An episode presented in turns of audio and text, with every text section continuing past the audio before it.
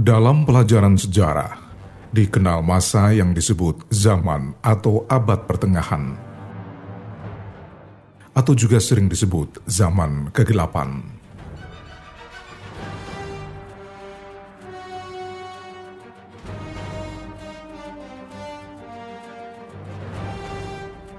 Disebut zaman kegelapan atau Dark Ages karena pada saat itu Eropa masih jauh dari ilmu pengetahuan.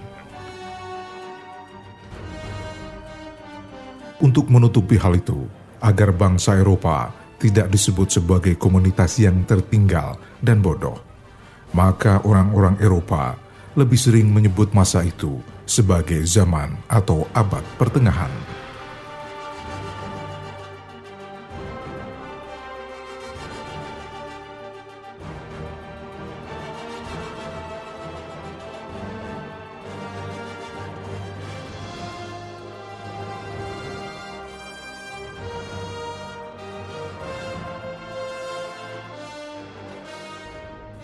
Zaman kegelapan sepenuhnya bukanlah masa yang tidak memberi kontribusi apa pun bagi ilmu pengetahuan. Banyak orang yang tidak tahu, di tengah kebutaan orang-orang barat pada ilmu pengetahuan, justru pada zaman itu, sumbangsi umat Islam mengalir deras.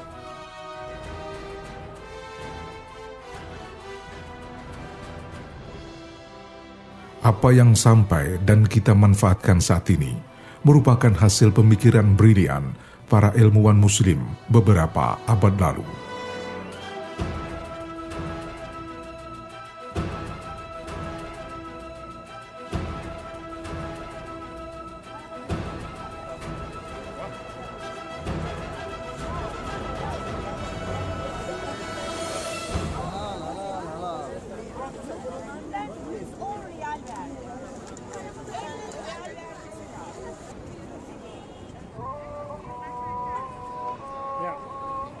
Jauh sebelum kemunculan para ilmuwan Muslim, orang-orang Yunani yang mendominasi perkembangan ilmu pengetahuan atau sains.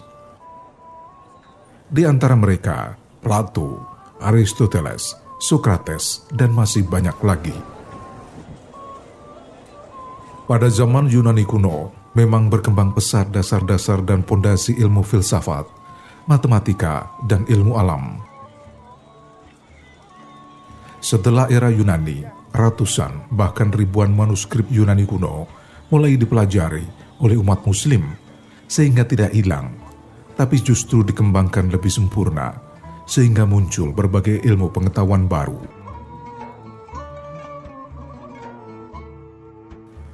Dalam buku sejarah pengetahuan Islam, tercatat nama Abu Qasim al-Sahrawi. Ia adalah pionir dalam ilmu bedah modern ia merevolusi ilmu bedah klasik dan meletakkan kaidah-kaidah bedah yang menjadi pijakan ilmu bedah modern saat ini. Al-Zahrawi menemukan metode dan alat-alat bedah yang baru dan memudahkan para pasien. Ia bahkan telah menulis 30 jilid ensiklopedi bedah yang dijadikan rujukan utama ilmu bedah di Eropa selama beberapa abad dan menjadi pijakan ilmu kedokteran modern.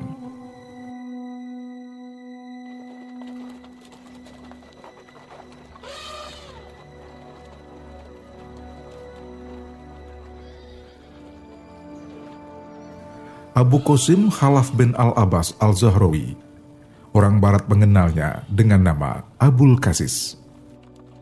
Dilahirkan tahun 936 Masehi di kota Al-Zahra, Spanyol. Awalnya ia dikenal sebagai fisikawan. Sampai akhirnya ia memperkenalkan teori-teori dan alat-alat bedah dalam ilmu kedokteran. Sehingga orang-orang mulai mengenalnya sebagai dokter ahli bedah.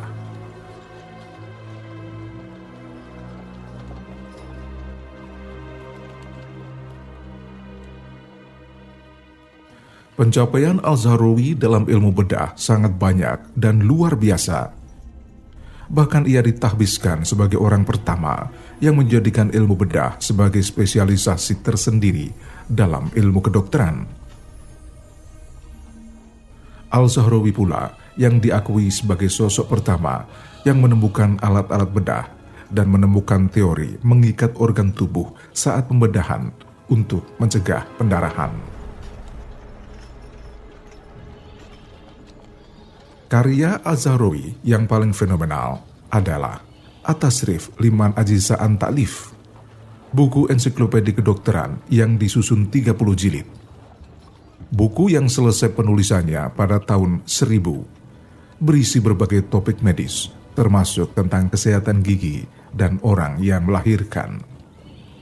Atasrif disusun 50 tahun karir kedokteran Al-Zahrawi, tepatnya selama ia menjalankan pelatihan, selama mengajar, dan tentu saja praktek. Buku yang sama juga memuat tentang pentingnya hubungan positif antara dokter dan pasien. Ia menulis tentang kasih sayangnya pada murid-muridnya yang ia sebut sebagai anak-anak saya. Al-Sahrawi menekankan pentingnya merawat pasien tanpa memandang status sosial mereka dan mendorong pengamatan secara persuasif terhadap kasus-kasus individu untuk membuat diagnosis yang paling akurat dan perawatan yang paling ideal. Kitab atas Syarif Liman Aji Sa'an Ta'lif diterjemahkan dalam bahasa Latin oleh orang Italia bernama Gerard pada abad ke-12. Selama 500 tahun berikutnya, buku itu menjadi rujukan utama untuk perkembangan medis di Eropa, khususnya ilmu bedah. Al-Zahrawi memelopori banyak prosedur dan peralatan yang dipakai di ruang operasi dalam dunia modern. Dia adalah orang yang pertama menggunakan benang untuk jahitan rongga dalam. Catgut adalah benang yang terbuat dari lapisan usus hewan atau satu-satunya bahan yang sangat baik digunakan untuk menjahit bagian dalam karena bisa diserap tubuh dan mencegah dilakukan operasi kedua untuk menghilangkan jahitan itu. Lebih dari seribu tahun lalu, Al-Zahrawi menemukan banyak alat yang diperlukan untuk operasi modern. Ia adalah orang pertama yang menggunakan forceps saat melahirkan. Cara itu sangat membantu mengurangi jumlah kematian bayi dan ibu saat proses melahirkan. Al-Zahrawi bahkan telah melakukan tonsilektomi atau operasi pengangkatan amandel dengan penjepit lidah, kait dan gunting, persis seperti dokter di era modern saat ini. Untuk mengurangi ketakutan dan kekhawatiran pasiennya saat akan dioperasi, Al-Zahrawi memakai pisau tertentu yang menyebabkan sang pasien nyaman secara psikis.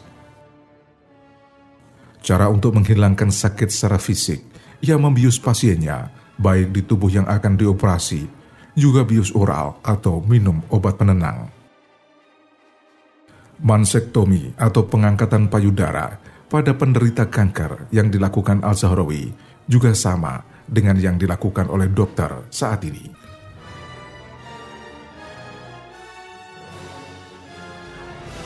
Dalam kitab At-Tasrif Liman Ajisa'an Ta'lif yang diwariskannya bagi peradaban dunia, Al-Zahrawi secara rinci dan lugas mengupas tentang ilmu bedah, ortopedik, optalmologi, farmakologi, serta ilmu kedokteran secara umum. Ia juga mengupas tentang kosmetika, karena Al-Zahrawi ternyata begitu piawai dalam bidang kosmetik. Sederet produk kosmetika seperti deodoran, body lotion, dan pewarna rambut yang berkembang sampai saat ini ternyata merupakan karya Al-Zahrawi. Popularitas Al-Zahrawi sebagai dokter bedah yang andal menyebar hingga seantero Eropa. Tak heran jika pasien dan anak muda yang ingin belajar ilmu kedokteran darinya datang dari berbagai penjuru negara-negara Eropa. Itu yang menyebabkan Cordoba menjadi tempat favorit bagi orang-orang Eropa yang ingin menjalani operasi bedah dan belajar ilmu kedokteran, terutama ilmu bedah. Bahkan di puncak kejayaannya, di Cordoba terdapat sekitar 50 rumah sakit yang menawarkan pelayanan kesehatan dengan standar yang sangat istimewa. Dalam menjalankan praktek kedokteran, Al-Zahrawi menekankan pentingnya observasi tertutup dalam kasus-kasus individual. Hal itu dilakukan agar tercapai diagnosis akurat serta kemungkinan pelayanan terbaik. Al-Zahrawi juga selalu mengingatkan agar para dokter berpegang pada norma dan kode etik kedokteran, yakni tak menggunakan profesi dokter hanya untuk meraup keuntungan materi. Meskipun mempunyai pengetahuan dan kemampuan yang mumpuni dalam ilmu bedah, Al-Zahrawi selalu menolak untuk melakukan operasi bersiko atau tidak ia ketahui yang akan menjadikan stres fisik dan emosional bagi pasiennya.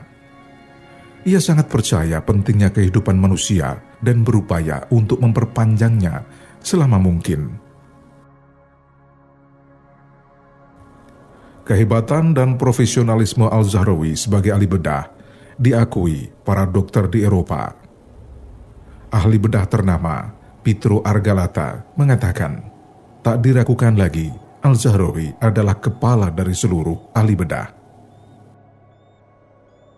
Kitab Al-Tasrif yang ditulisnya lalu diterjemahkan ke dalam bahasa Latin oleh Gerard of Cremona pada abad ke-12 Masehi dan tetap menjadi rujukan serta buku resmi di sekolah kedokteran serta para dokter dan ahli bedah selama lima abad dan periode abad pertengahan.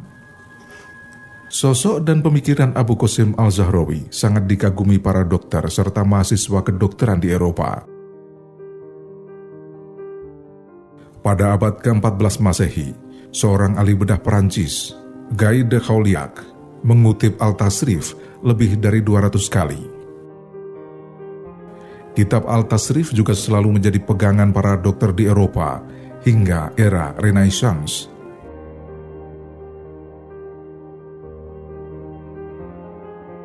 Sampai abad ke-16 Masehi, ahli bedah berkebangsaan Perancis, Jacques de Lesang, masih menjadikan Al-Tasrif sebagai rujukan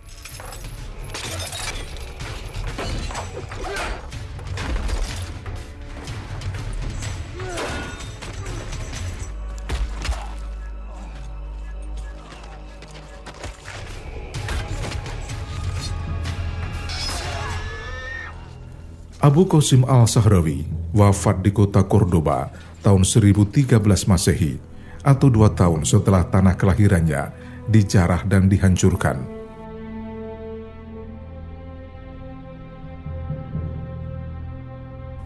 Meski Cordoba kini bukan lagi menjadi kota bagi umat Islam, tapi namanya masih diabadikan menjadi nama jalan kehormatan, yakni Kali Abu Kasis.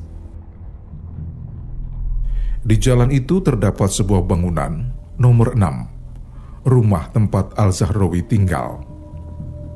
Gini rumah itu menjadi cagar budaya yang dilindungi Badan Pariwisata Spanyol.